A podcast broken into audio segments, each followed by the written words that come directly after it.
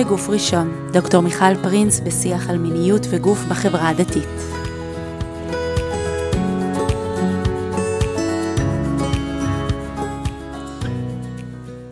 השבוע בארוחת ערב באחד הימים הייתה לנו שיחה מאוד מעניינת. אה, זה היה לקראת אה, הקניות בקניון המצוות. קניון המצוות זה בעצם איזשהו אה, אה, אירוע חד פעמי במהלך השנה, שהילדים אוספים אליו פתקים של אה, מעשים טובים, והולכים לקניון, ועם הפתקים האלה קונים אה, כל, את כל העולה על רוחם אה, בבית הספר.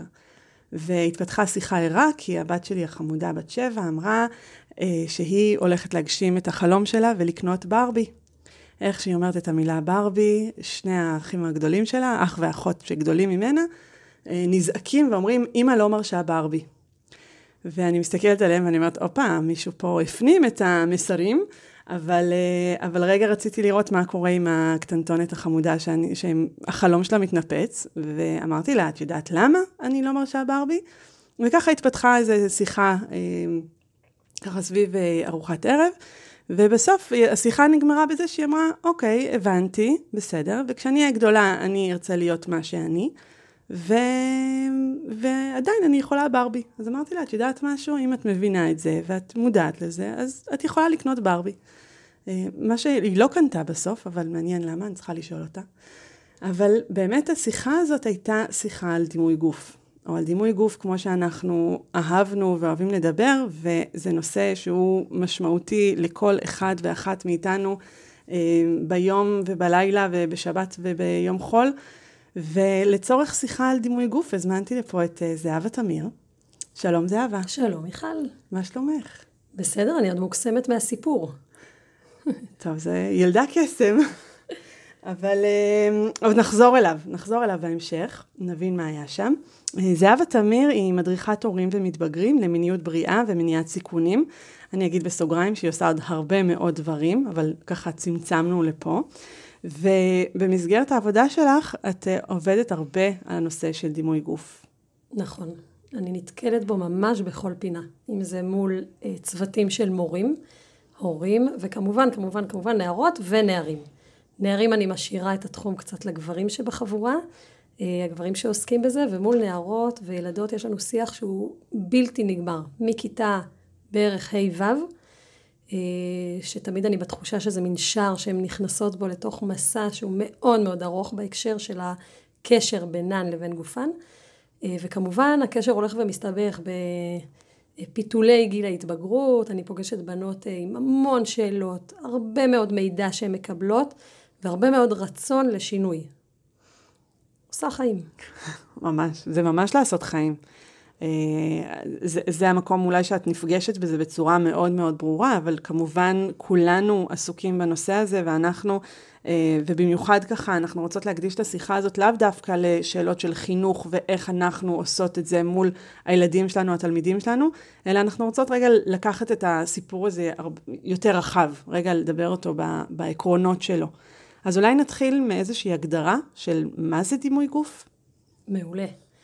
אה, כן, דימוי גוף זה תחום שמאז שנות החמישים הוא נחקר הרבה, מאז ככה הוא התחיל אה, להיות נוכח בחיים שלנו, והיום ההגדרה היא שזו דרך שבה אנשים תופסים את הגוף שלהם, ו- וככה הם מעריכים שאחרים תופסים אותם.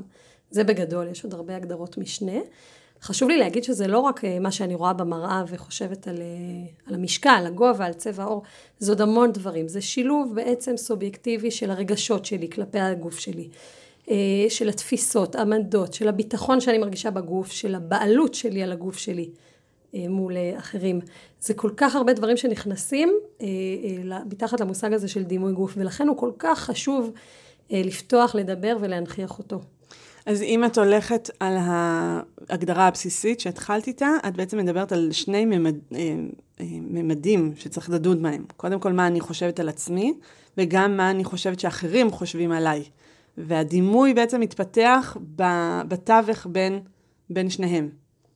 כן, זאת אומרת, זה שני מימדים שמאוד מאוד מחוברים. בואו ניקח ילדים קטנים, בואו נחשוב על עצמנו ילדות קטנות, על מה הרגשנו בגוף שלנו. כן, כשאני שואלת ילדים קטנים, למשל, מה הייתם רוצים לשנות בגוף? אז בדרך כלל התשובות זה תשובות דמיוניות כאלו. הם לא, א', הם לא מבינים את השאלה, מה, מה הקשר? ואז התשובות יהיו אה, כוחות קסם, להיות אה, אלזה, זאת אומרת, הם בכלל לא מבינים את השפה. עכשיו, אני רואה את השינוי הגדול באמת, כמו שאמרתי, סביב כיתות ה'-ו', שבה באמת גם מתחילים פסיכולוגית להיות יותר מודעים להשפעות הסביבתיות, החברתיות, ואז המימד הזה מתחיל להשפיע מאוד מאוד מאוד על איך שאני תופסת את הגוף שלי. עכשיו, כשאני מסתכלת במראה, נכנסים עוד המון המון המון דברים. זאת אומרת, במרחב שביני לבין ההשתקפות שלי במראה, יש כל כך הרבה מסרים שנכנסים באמצע. וככל שאני גדלה, המסרים האלה יותר נוכחים ויותר קיימים, ובטח מאוד משפיעים.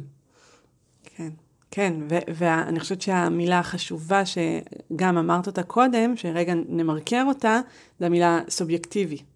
זאת אומרת, אנחנו יכולות אה, להיות, אני אלך על הרצף הכי הכי אה, בנאלי, כן? בין רזה לשמנה, אה, שיכול להיות שנצפה, ואני שמה פה עכשיו הרבה מרכאות, כן? נצפה שמי שרזה תהיה מאוד מרוצה מעצמה, ומי ששמנה תעבוד או, או תהיה לא מרוצה, ואנחנו נראה דברים משתנים, כי באמת סובייקטיבית, כל אחת וכל אחד מקבלים מסרים אחרים, גדלים בבתים שונים, אה, נמצאים במסגרות ערכיות שונות, נחשפים למידעים שונים ברשתות.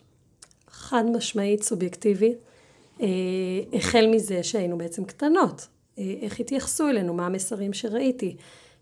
זה לגמרי לגמרי שלי. אם כבר הלכת על הרצף, בואי נלך שנייה לקצה הרצף. לבנות עם אה, בנות, או גם נערים לפעמים, אה, עם הפרעות אכילה. אנחנו נגיד להם אה, מיליון פעם ביום, שהם באמת באמת נראים טוב, ואנחנו באמת מאמינים בזה. זה כל כך סובייקטיבי, וזה נכנס פה לעוד כל מיני מקומות מאוד לא פשוטים, שהם רואים תמונה נקודה. אין לנו בכלל את היכולת עכשיו להגיד לסביבה שלנו, לחברה שלנו, מה את רוצה? את נראית מהמם. אם היא לא מרגישה טוב עם עצמה, זה לגמרי שלה. זאת משמעות המילה פה עם המרקר, שזה לגמרי לגמרי סובייקטיבי, ולכן היום אני חושבת שגם התכנסנו באמת לדבר על עצמנו. ואני חייבת שנייה לעצור ולהגיד שזה יותר קשה.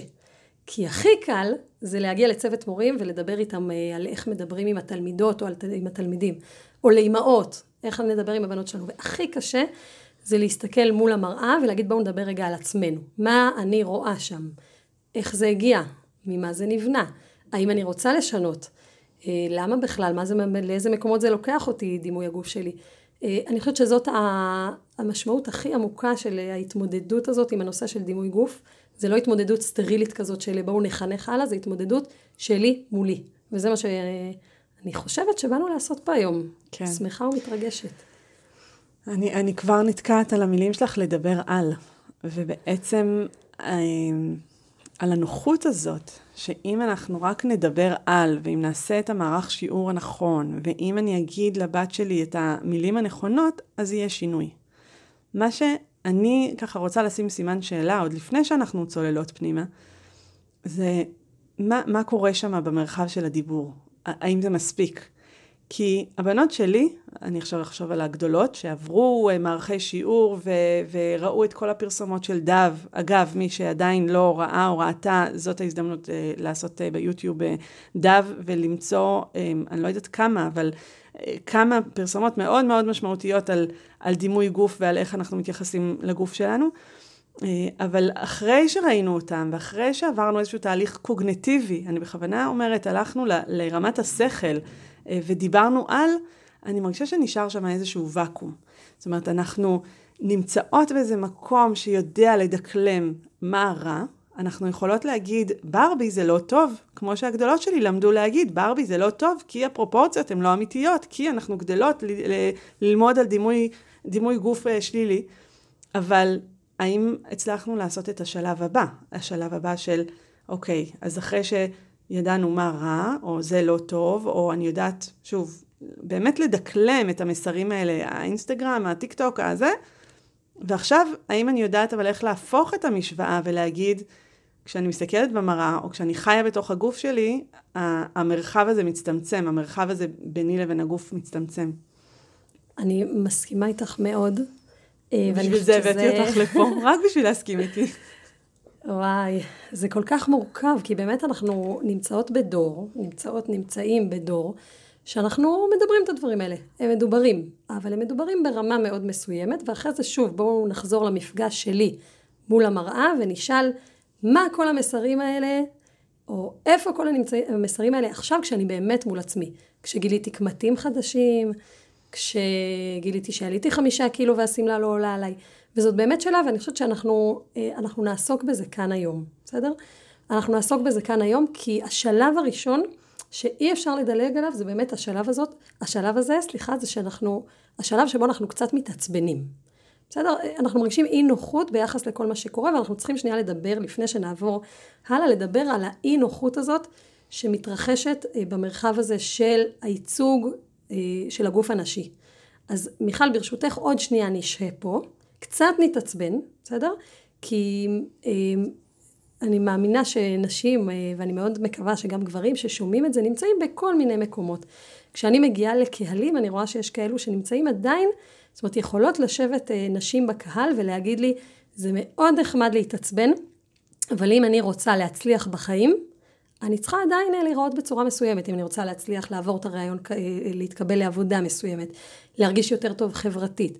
אני חושבת ש, שאנחנו צריכות עוד שנייה לשהות שם ב, ב, בלהבין קצת יותר למה זה גורם, למה זה כל כך גרוע, ואז אחרי זה נחליט אם אנחנו רוצות להמשיך במסע. בסדר? מרשה עוד קצת לשהות? בואי נדבר על, עדיין על אסור מרע. בסדר? אחרי זה קצת נדבר על עשה טוב. אני רוצה לדבר על זה שדימוי גוף שלילי הוא לא רק אה, נשאר במרחב הזה של איך אני מרגישה ביחס לגוף שלי, אני מסתכלת במראה, לא מרוצה, סוגרת את הדלת ויוצאת לעולם והכל בסדר. כי הדימוי גוף הזה הולך איתי להמשך היום. אה, אם אני צעירה, הוא הולך איתי במפגשים חברתיים. בסדר? יש אה, מחקרים מאוד מאוד, הזכרת את חברת דב. חברת דב באמת לקחה על עצמה את הסיפור הזה, יש על זה גם ביקורת נגיד בסוגריים, אה, קוראים לזה, מכנים את זה בספרות אה, האקדמאית, זה נקרא אקטיביזם מסחרי. אבל אני מאלה שאומרים שטוב שיש אותו, כי הוא באמת אה, מביא לנו דברים נחמדים, ואחד הדברים שהם עושים זה כל ארבע שנים מחקר מאוד מאוד מקיף. ובמחקר הזה הם, הם בודקים שביעות רצון מהגוף, וכשאת לא שבעת רצון, לאן זה מוביל אותך. זה מחקר כרגע שנעשה רק על נשים. ככה, במחקר האחרון שהיה, הוא יצא, עובד ופורסם לפני שנה וחצי כבר, 87% אה, מהנשים לא שבעות רצון. זה בסדר הגיוני, בואו נסתכל מסביב ונראה שאנחנו לא צריכים את דף בשביל להגיד את זה. אני תוהה מי זה ה-13%. אוקיי. מה הבעיה שלהם? מעולה. זה לא קשור כהוא זה לאיך שהן נראות. ה-13% זה לא דוגמניות הלהפך. בסדר? זה נשים שעשו תהליך או שגדלו בחברה אה, בגלל שזה מחקר בעצם אה, עולמי, גדלו בחברה שבה יש פחות דגש על מראה חיצוני ויותר דגש על מגוון של תכונות והיבטים נשיים, אבל באמת לרוב זה נשים שעשו עבודה עם עצמן, שהחליטו שהן יוצאות למסע. אה, נדבר על המסע הזה קצת בהמשך. אחד הדברים שעולים מאוד מאוד חזק במחקרים של דב, זה למשל הפן החברתי. בסדר? שש מתוך עשר נשים, לדוגמה, במחקר, במחקר האחרון, אומרות שהן, אני עכשיו מדברת על נערות, אבל זה לא רק, אה, שכשהן לא מרגישות בנוח עם הגוף שלהן, הן לא מעיזות לדבר בקול רם בחברה. מה הקשר כביכול? ועוד uh, מספר גבוה של נשים, שוב שבע מתוך, מתוך עשר, אמרו שהן לא יוצאות בכלל לאירועים חברתיים כשהן לא מרגישות טוב עם המראה שלהן. אז כבר הרחבנו את המעגל, זה לא רק אני מול המראה והבאסה שלי מול המראה, זה אני מול החברה, והזכרנו ראיון עבודה, מה קורה כשאני מגיעה לראיון ואני בטוחה באיך שאני נראית, uh, בואו נדבר על... Uh, על היבטים... מציאת, אה, מציאת בן זוג. מציאת בן זוג, והיבטים... זוג. או בת זוג, והיבטים מיניים, גם בקשר האינטימי ביניהם, איפה נכנס הקשר שלי עם הגוף שלי. אה, בואו נדבר על תלות מאוד גדולה בתהליכים, בהליכים כירורגיים, בניתוחים, בדיאטות בלתי פוסקות, שכל המחקרים מראים שבסופו של דבר השורה התחתונה זה שזה פוגע בגוף אם זה לא נכון ומאוזן. הייתה לי שיחה עם, אה, באחת הפעמים ככה, באחד הגלגולים, עם מנתח פלסטי. שהוא אמר, אני ניזון מזה, אני ניזון מדימוי גוף שלילי, כי זה ממכר. עכשיו, אני לא מדברת איתך על, איזושהי, על איזשהו ניתוח מאוד ספציפי, שמישהי או מישהו מרגישים לא נוח עם משהו מסוים, עוברים את תהליך, ובאמת, באמת, באמת זה עושה שינוי. אני מדברת על תלות בניתוחים. אה, ישבתי עם נערה בת 12, ונערה, לא, סליחה, קצת יותר גדולה, אחת הסדנאות, והיא נורא נורא התנגדה למה שיש לי להגיד, והיא אמרה, אני לא מסכימה איתך, לי יש דברים שאם אני עושה אותם, א', ב', ג', אני ארגיש טוב עם הגוף שלי. אז אמרתי לו, בואי, בבקשה, בואי תוציאי דף. ישבנו אחרי זה לבד, והיא התחילה לרשום. כל פעם, מה היא תעשה, מה היא תתקן בעצמה בשביל להרגיש יותר טוב. הגענו ל-12 סעיפים. שאלתי אותה, אוקיי, סיימת את כל אלה, אגב, אלפי אלפי אלפי שקלים. סיימת את כל זה, מה עכשיו? אז היא חושבת רגע, והיא אמרת לי, אוקיי, עכשיו צריך להתחיל מההתחלה. יש דברים שפג תוקפם, צריך להתחיל לחדש. כלומר, התלות הזאת היא מאוד מאוד אה, ממכרת, היא מאוד מאוד לא בריאה, היא מאוד מרחיקה את עצמי מעצמי. אה, וכמובן יש גם בקצה, ה... ואנחנו צריכים גם לתת לזה מקום, לנושא של הפרעות אכילה, של דיכאון, שזה גם נמצא שם.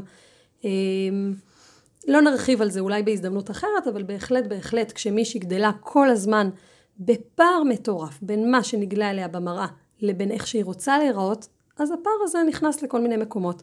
לדימוי עצמי כמובן, לדכדוך, לתזונה לא מאוזנת ש, שעוד יותר מגבירה את, ה, את הדכדוך הזה, שהוא ממש פיזיולוגי לפעמים, כן? מחסור בכל מיני אה, דברים חשובים. אגב, כשאני מדברת אה, עם צעירות על דברים כאלה, אה, הן ממש מהנהנות. זאת אומרת, הן מרגישות את זה, ולא רק צעירות, נערות, בסדר? שאפשר אולי נשים. להוסיף פה גם במאמר מוסגר, שאני חושבת שחלק מהשינוי שמתחולל בשנים האחרונות, זה נגיד החוסר לגיטימיות לדבר על דיאטת הרעבה, מאוד לגיטימי לדבר על בריאות. ואז את יכולה נגיד במסווה של דיאטה או אה, אוכל מאוזן ובריא או אה, עיסוק בספורט, ואנחנו רואים את זה נגיד יותר אצל בנים, אנחנו רואים את אותן תופעות של אה, משטור של הגוף, של, של לגרום לגוף להיראות כמו שאני רוצה שהוא ייראה, ואם הוא לא מגיב כמו שאני מצפה, אז כל התופעות שבעצם הזכרת. חד משמעית. ובואו לא נדבר עכשיו על הילדים או על התלמידים, בואו נדבר על עצמנו. על כמה באמת משיח הבריאות והספורט נובע באמת מרצון להיטיב עם הגוף, וכמה זה פשוט חשבון שאני סוגרת עם הגוף שלי, כי אכלתי משהו שלא הייתי צריכה לאכול, אז אני יוצאת לריצת חמישה קילומטרים, ושוב אני נכנסת פה לסחרחרה כזאת של, שהיא לא באמת מובילה לדבר טוב, היא מובילה לקיטוב מול הגוף שלי. היא מובילה אה, להפניית הגב מול עצמי, אה, במסווה כאילו של אורח חיים בריא, שאגב, אני לא מתנגדת, אני כמובן מאוד מאוד מעודדת, כל עוד, אמ, כל עוד הוא בא באמת ממקום מיטיב, ולא ממקום מתכסח. והרבה פעמים, במיוחד אצל צעירות, אני כל הזמן בורחת לשם כי הכי קל לנו. אבל בואו נסתכל גם על עצמנו, ובאמת עם צעירות השיח כל הזמן הוא אה, על כמה רצתי, ואוי ואבוי אם זה הליכה ולא ריצה, ו... ו זאת אומרת, גם שם צריך, גם במרחב הבריא, צריך לפקוח עין מאיפה, מאיזה מקום הוא מגיע. דיברנו על, ה, על כל... רגע, אבל שלא, שלא יצא מהשיחה שלנו שאנחנו נגד שאנשים יראו טוב, או ירזו, או ישמינו, תלוי כל אחד מאיפה הדימוי גוף, או יעשו ניתוח. כאילו, יש תודה פה... תודה על הדיוק. יש בואי... פה, יש פה, אנחנו מחפשות איזשהו איזון, ואני אגיד את המילה אולי הרמוניה. אה, זאת אומרת, אנחנו יכולים לעשות את אותה פעולה ולהגיע לתחושה הרמונית עם הגוף, ואנחנו יכולים לעשות את אותה פעולה ובעצם להגיע למצב של, אה, עדיין להיות במצב של אה, בואי דיסוננס. בואי ניתן דוגמה. בסדר? אני עכשיו נמצאת באירוע ויש מנה אחרונה בסוף, ואני מסתכלת ואני אומרת לעצמי, יא שמנה, עוד פעם את הולכת לאכול את זה ותראי, אין לך כוח רצון, ו- ולא משנה מה, אכלתי, לא אכלתי. באותה מידה, בסדר, אני יכולה להסתכל על העוגה, ולהגיד לעצמי, אני כל כך אוהבת את הגוף שלי, אני יודעת עכשיו שאני שבעה ואם אני אוכל את זה, זה יעשה לי לא טוב. עכשיו, בשני המקומות, נגיד, הגעתי באמת לתוצאה שאני לא אוכל את העוגה, אה, אה, אבל הם אחרים לגמרי. אגב, אם אני אשאל את עצמי, אה, באמת אני רוצה את העוגה והיא טובה לי, והתשובה תהיה כן, אז, אני, אז, אז הכל בסדר, זה גם גדולי הדיאטניות יגידו את זה. בואו ניקח דוגמה של ריצה, בסדר? אה, אותו דבר, אני עכשיו כן אכלתי נגיד באירוע הזה את העוגה, ועכשיו בבוקר אני קמה ואני אומרת, בושה, שוב פעם אכלת את זה, עכשיו לכי תכפרי על זה ותצאי לריצה. בעיניי, בתפיסה שלי, הריצה הזאת, הערך שלה פחות מאשר ריצה שנובעת מלקום בבוקר, להתמתח ולהגיד, אה, בוקר טוב גוף אה, נפלא שלי. אני יודעת שכשאני רצה, אני באופן אישי רצה, אבל זה יכול להיות עוד מיליון, יש רפרטואר שלם של פעילות גופנית, שנדבר על זה אולי אחרי זה, על, ה, על האפשרות לבחור גם שם. אבל אני אוהבת לרוץ, ואני אוהבת לרוץ כי טוב לי בגוף, ואני יוצאת לריצה, והריצה הזאת תהיה הרבה יותר שווה. כלומר, המסקנה שלי היא שאפשר לעשות את אותם דברים משנאת הגוף או מאהבת הגוף. התוצאה תהיה אחרת לגמרי בבניית הדימוי, דימוי הגוף שלי. אחרת לגמרי. אני כן אה, רוצה גם טיפה לחזור למציאות שלנו. בסדר? אנחנו... אני רוצה קצת לתת דוגמאות פשוט מה... יש מין תחושה כזאת שעולה בכל מיני מקומות, כאילו היום אנחנו במקום אחר. ויש הרבה יותר ייצוגים של מגוון סוגי גוף נשי, ויש לך הרבה יותר סלבס כאלו שפתאום מדברות את זה ונותנות לגיטימציה. גם במרחב הזה, שאנחנו נמצאים בו היום, אם זה הדור שלנו, שזה פייסבוק, או הדור הצעיר יותר אינסטגרם, טיק טוק, גם שם עדיין יש הרבה הרבה דברים בעייתיים. אי אפשר לטאטא את זה ולהגיד אנחנו כבר עידן אחר. אה, אני אתן דוגמה עכשיו מתקופת הקורונה. אה, העברתי הרבה כל מיני שיחות דרך הזום, פגישות וכולי, והיו בנות שבאופן קבוע לא הסכימו לפתוח את המצלמה בזום. גם נשים אגב, גם נשים, אבל עם בנות יותר קל לי ככה לשאול, לפחות עם הנערות שאני עובדת איתן, אה, ואחת הבנות אמרה לי את המשפט הבא, והיא אמרה את זה מול כולם, והשיח היה נורא מעניין. עם, עם המצלמה מכובה. המצלמה כבויה, והיא אמרה ככה, אני רגילה לראות את עצמי דרך הפילטרים של האינסטגרם. אני לא יכולה לשאת את איך שאני נראית as is. וזה משפט כואב, בוקס מאוד. בבטן.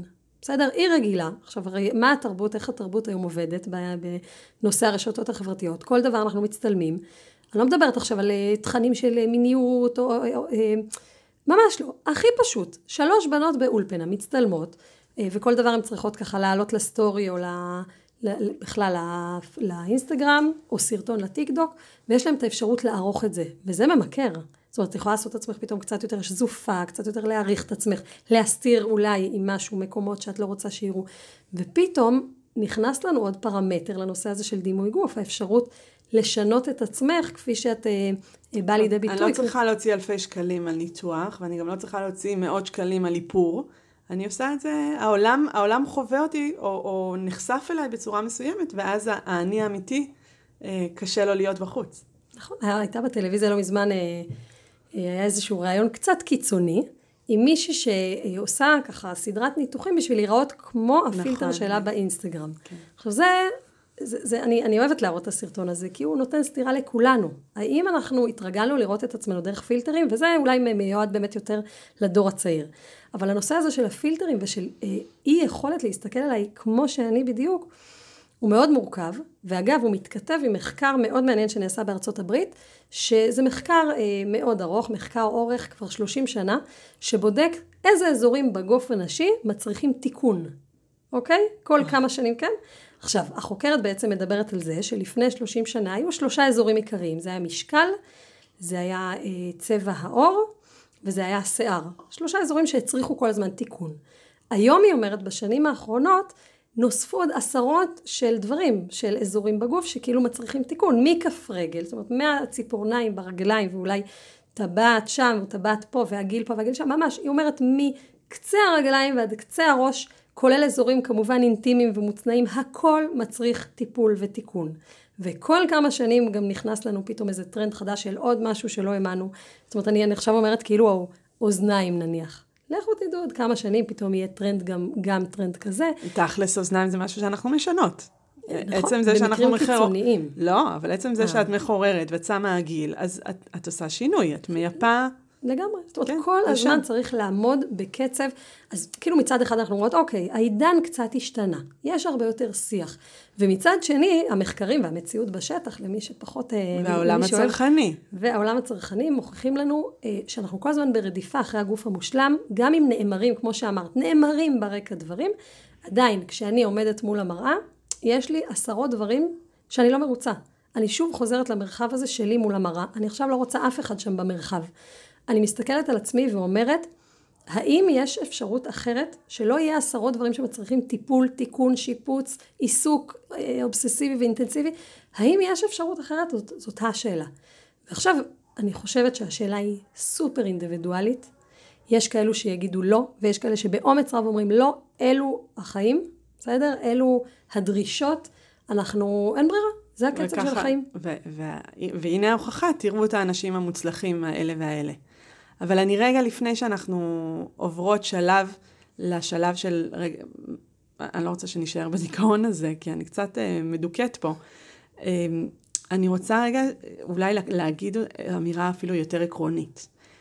אני מרגישה ממה שאת אומרת, שדימוי גוף, המושג דימוי גוף, יכול מאוד מאוד לקבע אותנו על משהו מסוים. הוא, הוא בעצם אומר לנו, יש פה, התחלנו עם ההגדרה, כן, הפער בין, ה, אה, או, או המקום הזה המתפתח מול, אני מול עצמי ואני מול איך שהחברה תופסת אותי, אה, דיברנו על הסובייקטיביות, אבל אנחנו עדיין בתוך מרחב של אני מסתכלת במראה, מה אני רואה, האם אני מרוצה או לא מרוצה.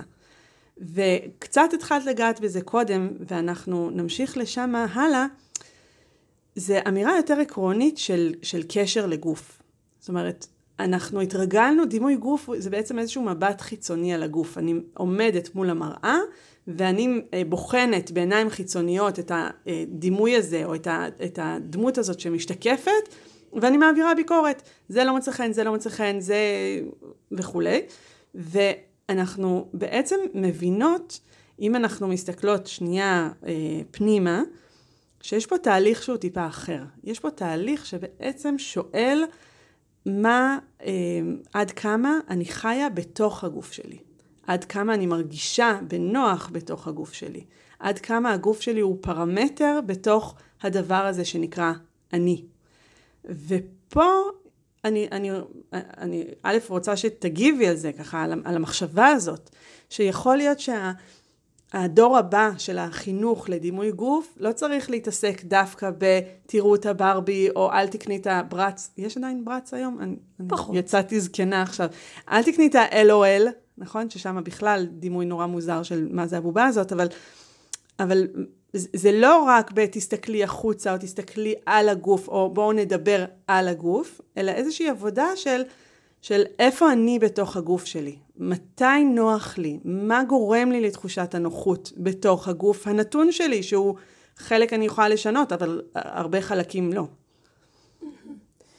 אני מאוד מאוד שמחה על השאלה הזאת, כי זה מוביל אותנו עכשיו הלאה. כי אני חושבת שבאמת חשוב אה, קצת אה, לכעוס על זה וקצת להיות מתוסכלות ואולי אפילו קצת להרגיש קורבן של משהו שהוא, אה, שנמצא, שגדול עליי, בסדר? אבל זה לא יכול להישאר שם. כי אם זה נשאר שם, נשאר שם. בסדר, אנחנו לא נתקענו, אז כן, נתקענו, אנחנו עומדות במקום, יופי, כעסתי, יופי, העברתי ביקורת, אוקיי, אז לא ראיתי את הזה, או לא קניתי ברבי, ו... אז ואני נשארת בגבול המצומצם הזה של רק לכעוס, ועדיין זה לא מפגיש אותי עם עצמי, בצורה הנכונה. אז עכשיו בואי נדבר. בואי שנייה קודם כל נדבר על זה שגם בנושא של דימוי גוף, כמו בהרבה דברים אחרים, נורא בא לנו עכשיו לקבל עצות שניקח אותם ונצליח. בסדר? למה הדבר דומה? לכספומט, אני מכניסה כרטיס אשראי, יוצא כסף, אחלה. זה לא עובד ככה, ולכן הרבה פעמים נורא מרגיז אותי לראות כל מיני אמירות כאלה נורא ברורות אה, של בואי תעשי ככה או בוא תעשה ככה ואז תאהבי את הגוף שלך. וואלה, לא עובד בדרך כלל. נחמד אבל לא עובד. אני מדברת עובד, עכשיו... עובד, כמתודה. כמתודה זה נהדר. כן. אני עכשיו, אה, אם דיברתי על כספומט, בסדר, על כרטיס אשראי, אני רוצה לדבר על מה, על דימוי אחר לגמרי, על דימוי של הגינה שלי בבית. הגינה שלי בבית זה תהליך, זה מסע בלתי נגמר. אני שותלת, אני. האיש שלי שותל, אני נהנית. אה, הילדים קצת שותלים, משקה, נהנית מכל רגע. ועדיין יש דברים שאני רואה שנשתלו לא במקום הנכון והם מצריכים עבודה. ועדיין יש דברים ש, ש, שמצריכים, אה, גידולים שמצריכים סבלנות אין קץ. הגינה זה איזשהו מסע בשביל להגיע למשהו מסוים והוא כל הזמן צריך תחזוק וכל הזמן צריך בדיקה וכל הזמן צריך איזושהי אצבע על הדופק. עכשיו, המסע הזה של להגיע לאיזושהי הרמוניה עם הגוף, קודם כל צריך להבין שזה לא מסע שנגמר בשלוש עצות ש... אה, הנה סתם עצה שאני לפעמים ככה מוצאת עצמי אומרת והיא נחמדה והכל אבל היא בגדר אה, כן אה, one size fit for all כזה כאילו אם נעשה את זה לכולם זה יצליח קחי טיפ רוצה טיפ קחי טיפ אחרי זה אני אדבר למה הטיפ הזה לא נכון תסתכלי שבוע במראה על מה שאת כן אוהבת בעצמך בסדר ובאמת זה אימון כזה אימון נורא נחמד על התודעה שלנו לבחור כשאני רואה את עצמי במשהו טוב זה נחמד אוקיי, עבר השבוע הזה. האם שיניתי את כל היחס? אם לא נעשתה באמת עבודה שלי של חיבור עם הגוף, זה חייב, הטיפים האלה חייבים שזה לבוא. שזה נושא מרתק, כי אנחנו מבינות שלכל אחת ואחד, כשמסתכלים במראה, קופץ משהו אחר. עכשיו, מה שקופץ לי, לא בהכרח קופץ לך או למישהי אחרת, וזה, וזה מרתק לגלות את זה, כי אם יש משהו שמאוד בולט לי, ואני אולי מנסה להסתיר או לשנות, אז מישהו אחר בכלל לא רואה את זה, כי הוא בעצם רואה מיד, קופץ לו משהו אחר שמפריע לו. אני גיליתי את זה לפני הרבה שנים, ממש הייתי ממש צעירה, ואני זוכרת שדיברתי עם, אה, עם איזה חברה, ואז היא אומרת לי, וואי, הקרסוליים שלך? עכשיו אמרתי, הקרסוליים? אני בחיים לא הסתכלתי על הקרסוליים שלי, כאילו, מי מסתכל על הקרסוליים? אמרתי, תקשיבי, אני הולכת ברחוב, זה מה שאני רואה, הקרסוליים של אנשים, זה היה עוד בתקופה שכולנו הלכנו עם החציות שמטאטות את הרחוב. והסתבר לי, וזה זה, זה, זה פתח לי עולם, אני מדברת ממש לפני כמה עשורים, אבל יצאתי עוד פעם זקנה נורא, אבל סבבה, כמה עשורים, אבל זה היה דבר, זה היה דבר מגניב, כי הוא, הוא פתאום פותח. אבל כמו שאת אומרת, זה פותח.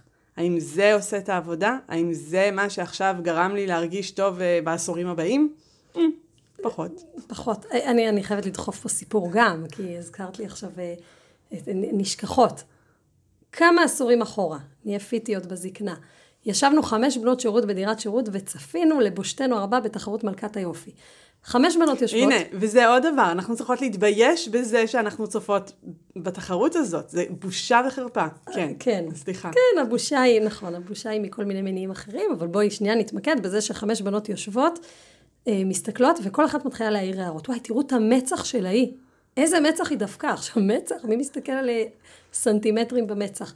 אה, וזאת העירה על ההיא, על המותניים שלה, איך קיבלו אותה עם כאלה מותניים רחבים, וכמובן לה היה מה להגיד על הגבות, איך סידור, ובאמת לקח לנו כמה דקות של שיח של ינטס מכשפות כאלה, שעד שהבנו שכל אחת מדברת על עצמה. כמו שאמרו חז"לינו, אה, כל הפוסל, חד משמעית במומו פוסל, גם פיזית. אה, נכון, אז זה באמת נושא אחד, מאוד מעניין. החברה שרואה אותי, אבל אגב, לרוב היא לא רואה, זאת אומרת, היא לא מסתכלת עליי בפגמים שלי, שאני רואה מול המראה.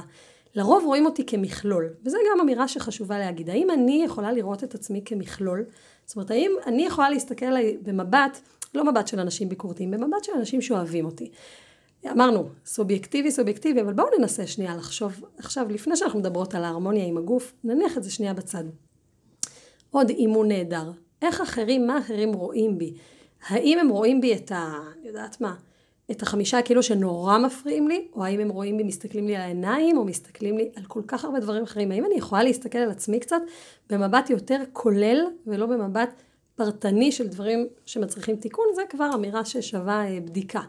נזרוק פה כל מיני דברים שמצריכים בדיקה. אה, אבל אני מחזירה אותנו למה? לכיוון שאת הובלת, שזה כיוון כל כך נהדר, שהאדוות שהוא עושה הם לכל כך הרבה כיוונים. אה, אינטימיים כאלו ואחרים, חברתיים, הכל, זה, זה פשוט מדהים. וזה הנושא הזה של באמת החיבור שלי והקשב שלי לעצמי, לגוף שלי.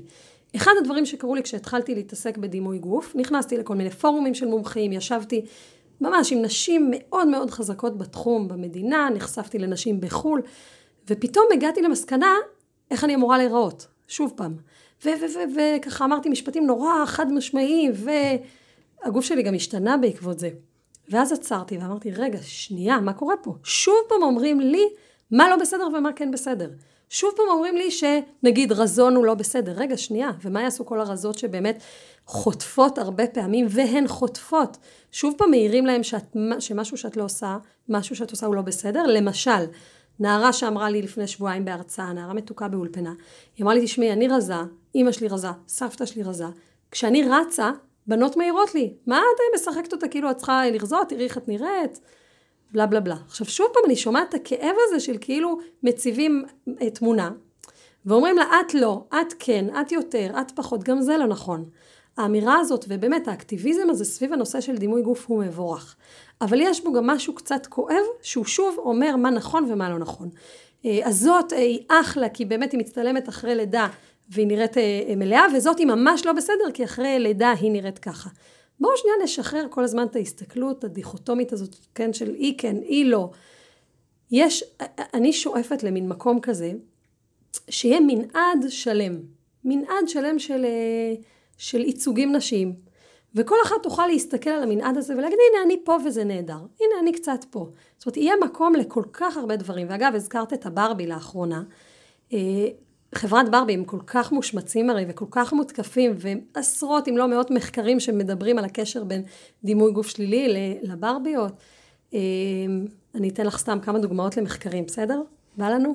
כי זה נורא מעניין, חוקר ברור. בארצות הברית שעשה מחקר סביב הנושא של דימוי גוף וגילה שבממוצע כל שנייה נמכרות שתי בובות ברבי בעולם. ושאם היינו לוקחים את כל בובות הברבי... בקניון המצוות. פחות. אה, אם היינו לוקחים את כל בובות הברבי שיוצרו, הברבי הראשונה יוצרה ב-1959, מאז היינו מחברים את הכל, אה, היה אפשר להקיף את כדור הארץ שבע פעמים. בסדר, הוא כל כך היה עסוק ב- ב- באינטנסיביות הזאת ובמסרים האלה שמציפים אותנו מכל כיוון. עכשיו חברת ברבי, כמו עוד כל מיני אה, מקומות עסקיים ומסחריים נורא, החליטו שהם נלחמים בזה והם הוציאו באמת בובות מלאות, בובות עם שיער קצוץ, בובות כהות, בובות, הכל. זה ממש בשנים האחרונות. אממה, לא רוצים לקנות אותם. ואז הם אומרים, מה אתם רוצים מאיתנו? הנה, אנחנו עשינו. כלומר, יש פה מין ביצה ותרנגולת נורא מעניינת כזאת. ואגב, איך את מגדירה ברבי כזאת? זאת אומרת, הבת שלי סבבה, היא רצתה נורא, היא ראתה ברבי כזאת, מאוד התלהבה, אבל היא הסתבכה, כי זה לא פוליטיקלי קורקט בכלל להגיד ברבי שמנה. היא אומרת לי, אמא, אפשר ברבי נורמלית? את יכולה לקנות לי ברבי נורמלית? היא מפחדת בכלל להגיד, אפרופו ילדות וברביות. זאת אומרת, אנחנו לא, שוב... ובטח זה גם קשור לברביות שהן אה, בצבעי עור שונים, כאילו, אני כן. ברבי... צבעי עור שונים, אה, ברבי בכיסא גלגלים יצא שנה שעברה. באמת, זה, זה מעניין. עכשיו, אני לא נבהלת מהאמירה הזאת אין אה, צרכנים, אלא אני אומרת, זה, אה, אלו תהליכים שמעוררים מודעות, שמשפיעים על המודעות, הם נהדרים בסופו של דבר, אבל הם לא מספיקים. אבל כן, זה שילדה רואה מגוון, נכנסת לטויז ארס, או לא נעשה פרסומת, כפר השעשועים, הפיראט האדום, נכנסת ופתאום רואה סוגים שונים של ברבי, אין לי ספק שזה משפיע. כמו שהברבי המקורית השפיעה. בסדר, זה נהדר, זה מבורך, אני לא מזלזלת חלילה. אה, אבל כמובן, זה, זה צריך להיות גם צעד אחד מעבר. וכשאני מדברת, אה, או מזכירה את המילה שהזכרת מקודם, של הרמוניה עם הגוף, אני אומרת קודם כל, אז בואו נעבוד על זה שיש מגוון, לא רק בחנויות, בחנויות הצעצועים, בשיח שלנו מול עצמנו, בחמלה שלנו מול עצמנו, באהבה שלנו מול הגוף שלנו, יש מגוון שלם.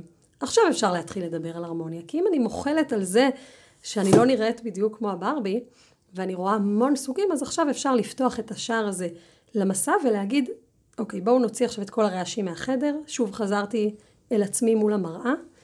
ואם אמרנו שדימוי גוף זה כולל המון דברים אחרים, זה כולל את הרגשות שלי, זה כולל את איך אני בחברה ואיך אני ברעיון עבודה, האם עכשיו מפה אני יכולה להתחיל מסע של להיכנס עם המבט שלי לתוך עצמי, לגוף, ולדבר קצת עם עצמי, ולשאול את עצמי, ולהיות מאוד מאוד מחוברת לגוף שלי.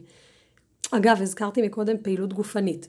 יש שוב, אני לפעמים קצת בורחת לענייני מחקרים בשביל כל מי שאוהב את התחום, אבל יש גם מחקרים על הנושא הזה שפעילות גופנית מאוד מעודדת אה, דימוי גוף חיובי. עכשיו זה לא בגלל שהדימוי גוף הוא מכתב, ממש לא. את יכולה לעשות באמת ספורט חמש פעמים בשבוע ו- ולא לרזות מזה.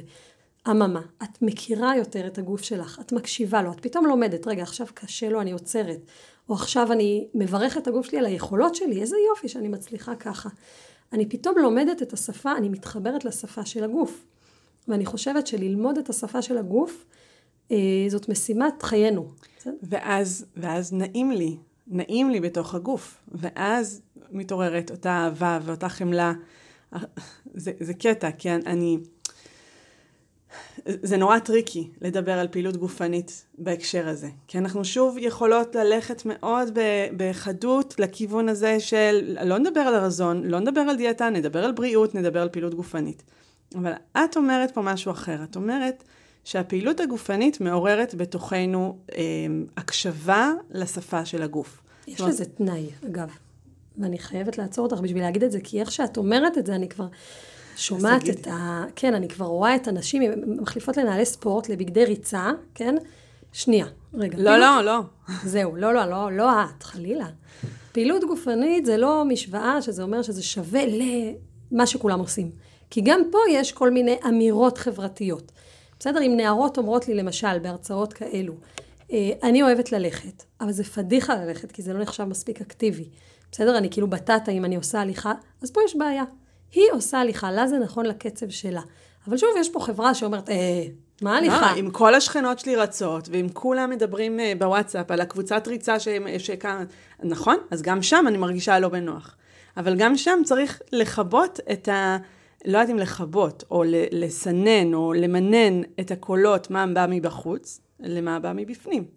איזה פעילות ספורטיבית, או איזה, לא פעילות ספורטיבית אפילו, איזה פעילות שאני עושה עם הגוף, היא נעימה לי, היא מעוררת אותי להקשיב לעצמי. זה, זה יכול להיות לצאת לריצה, וזה יכול להיות כשאני מבשלת. אם אני עומדת ומבשלת, ואני שונאת את זה, או אני עומדת ומבשלת, ואני מעבידה את עצמי יום שלם, והרגליים שלי מדברות, עצם זה שהקשבתי, קרה פה משהו. אני, אני אלך למקום מאוד uh, מוזר בהקשר הזה, אני לא יודעת איך הגענו לנושא הזה, אבל גם בפעילות מינית. אם נהנים בפעילות מינית, אז גם הדימוי גוף משתפר, כי בעצם הגוף הזה אומר לי משהו, והוא אומר, אומר, טוב לי, ונעים לי, ואני מזהה את ה... את ה... איך הגענו לנושא הזה בפודקאסט כזה? זה מאוד קל להגיע לנושא הזה, כי אני חושבת בסופו של דבר, ונגיד את זה מאוד מאוד בעדינות, שהדימוי גוף בתור אנשים מבוגרים, נשואים, נוכח, הוא נמצא אצלנו גם ביחסים האינטימיים.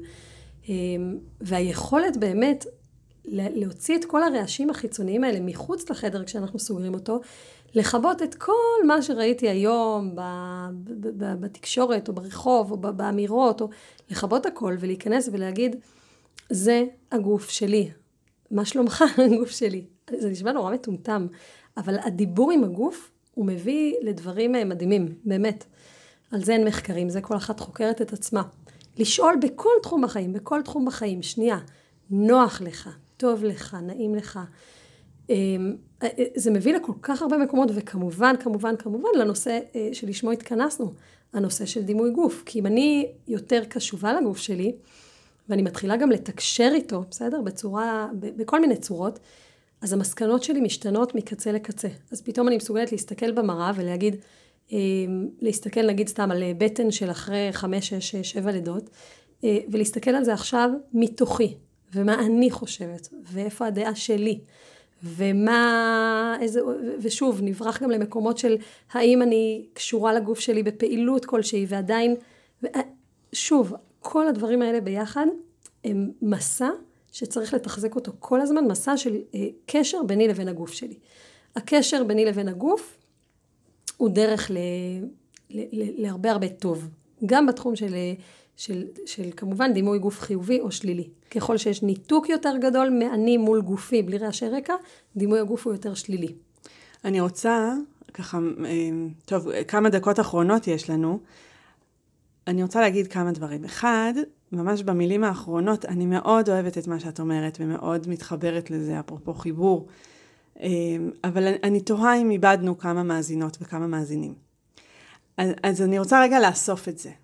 ואני רוצה להגיד אמ, שהפחד הגדול שלי בשיחה מהסוג הזה זה לייצר אידיאל חדש. או להתחבר לאידיאל שגם הוא יכול להיות שהוא חיצוני. כי אנחנו שומעות המון את המשפט הזה, תתחברי לגוף שלך, תאהבי את הגוף שלך. ונשים עוברות מסע חיים שלם של אני צריכה להתחבר לגוף שלי, ואני תמיד צוחקת ואני אומרת אה, איזשהו איצ'י קדנה כזה, כן? ללכת לחולל באיזה, במדבר ו, ולהתחבר לאדמה, ושאני לא מזלזלת בכלל במי שאוהב ו, וזה מה שמחבר אותה ואותו, אלא אני רק מנסה להגיד, בואו לא נייצר פה עוד אידיאל. כי יש הרבה נשים שאומרות, אני אפילו לא יודעת על מה את מדברת כשאת אומרת להתחבר לגוף. אז אני רוצה שכן רגע ננצל את הממש שתי דקות אחרונות, כן רגע לרמה הפרקטית. ברמה הפרקטית אני שומעת ממך כמה דברים. ממך וממני ביחד. אחד, זה איזושהי התבוננות במכלול. זאת אומרת, להפסיק לחלק את הגוף שלנו לחלקים, ואני אוהבת את זה ולא אוהבת את זה, וצריך לתקן את זה ולא צריך את זה, אלא, אלא רגע להסתכל על מכלול ולגלות מה יש שם. וה, ו, ומשם, רגע, אנחנו, אנחנו ממש הלכנו לכיוון של אמ, אולי לפרק את המושג הזה דימוי גוף, אולי הכותרת של הפודקאסט הזה לכאורה לא הייתה צריכה להיות דימוי גוף, אלא לבוא ולהגיד שהתהליך פה הוא תהליך של הקשבה לגוף. הגוף שלנו מדבר, השאלה אם אנחנו מקשיבות. ובתוך התהליך של הדיבור הפנימי הזה, אנחנו יכולות לגלות הרבה דברים. איך אפשר להגיע לדיבור הפנימי הזה? בכל, בכל מקום. אם עכשיו אני יושבת באוטו ואני נוהגת, אז רגע לשאול את, את עצמי, מה אני מרגישה? נוח לי? המשענת מכוונת בצורה כזאת שהיא נעימה, שהיא תומכת בגב? האם אמ, אם אני עכשיו בריצה ואני מקשיבה לפודקאסט, האם אני רצה בקצב ש, שהוא נעים לי, שהוא אמ, גם, גם אם, זה, אם זה גורם לי מאמץ, אבל עדיין נוח לי, אני, אני, אני רוצה להיות במקום הזה, הגוף שלי נמצא בהרמוניה עם המקום הקוגניטיבי שלי, וכך הלאה, בכל סיטואציה ש, ש, שלנו בחיים, אנחנו צריכות לשאול את השאלה מה אני חשה בגוף, מה אני מרגישה בגוף. ו, ומתוך המקום הזה, אמ, אנחנו לאט לאט נשמע שהגוף שלנו משדר לנו שידורים, הוא, הוא ממש, הוא מדבר, הוא, הוא נוכח שם בכל שלב ביום ובלילה, והשאלה אם אנחנו הם, קשובות לשמוע את הדבר הזה. ואני רק אוסיף הערה קטנה, שמישהו תמיד ידבר אל הגוף שלי. השאלה אם זה קולות חיצוניים או קולות פנימיים. יש פה איזשהו מאבק פנימי. מי הקולות שייכנסו אליי? האם באמת כל המסרים האלו שאני שומעת בכל תחום שקשור לגוף שלי, בין מיניות לבין דימוי גוף לבין כל כך הרבה תחומים, או האם אני מייצרת קול חזק, אותנטי, אינדיבידואלי מאוד שלי. ואף אחד לא יכול להתערב לי בקול הזה. ככל שאני אעצים את הקול הפנימי, הקול החיצוני יירגע. וכשאני, סליחה ששוב אני אומרת את זה, ואז כשאני אחזור לעצמי במראה, אני אוכל לשמוע שפיתחתי איזשהו קול, עמוד שדרה פנימי שלי, שהוא חזק והוא איתן והוא משפיע אגב על כל הסביבה. אי אפשר לפספס את זה. וזה באמת, זו מתנה מאוד מאוד גדולה. לי, לעצמי, לכל הסובבים, כמובן לבנות שלי, לתלמידות, לתלמידים, כולם. זאת אומרת, זה משהו שהוא מאוד מאוד ניכר וניבט גם מבחוץ כשיש עבודה כזו פנימית. אני חושבת שממש אפשר לראות את זה במראה, בעמידה. זאת אומרת, את אומרת אה, עמוד שדרה פנימי, זה עמוד שדרה נקודה. זאת אומרת, ברגע שאת עומדת מול המראה, עכשיו את מתיישרת בכיסא, יופי. ברגע שאנחנו עומדות מול המראה, וטוב לנו, ונעים לנו, ונוח לנו, וזה שלנו, זה מרגיש בבית, אנחנו בעלות הבית, אז העמידה הופכת להיות uh, זקופה יותר. זהבה תמיר, תודה רבה רבה על מה שהבאת לנו פה. אנחנו נהיה, אין ברירה, נהיה חייבות להיפגש שוב. ניפגש. היה לי לעונג. אני רוצה להגיד תודה רבה לצופיה וינדי של ההפקה ולדעת על הבית, ואנחנו ניפגש בפרק הבא.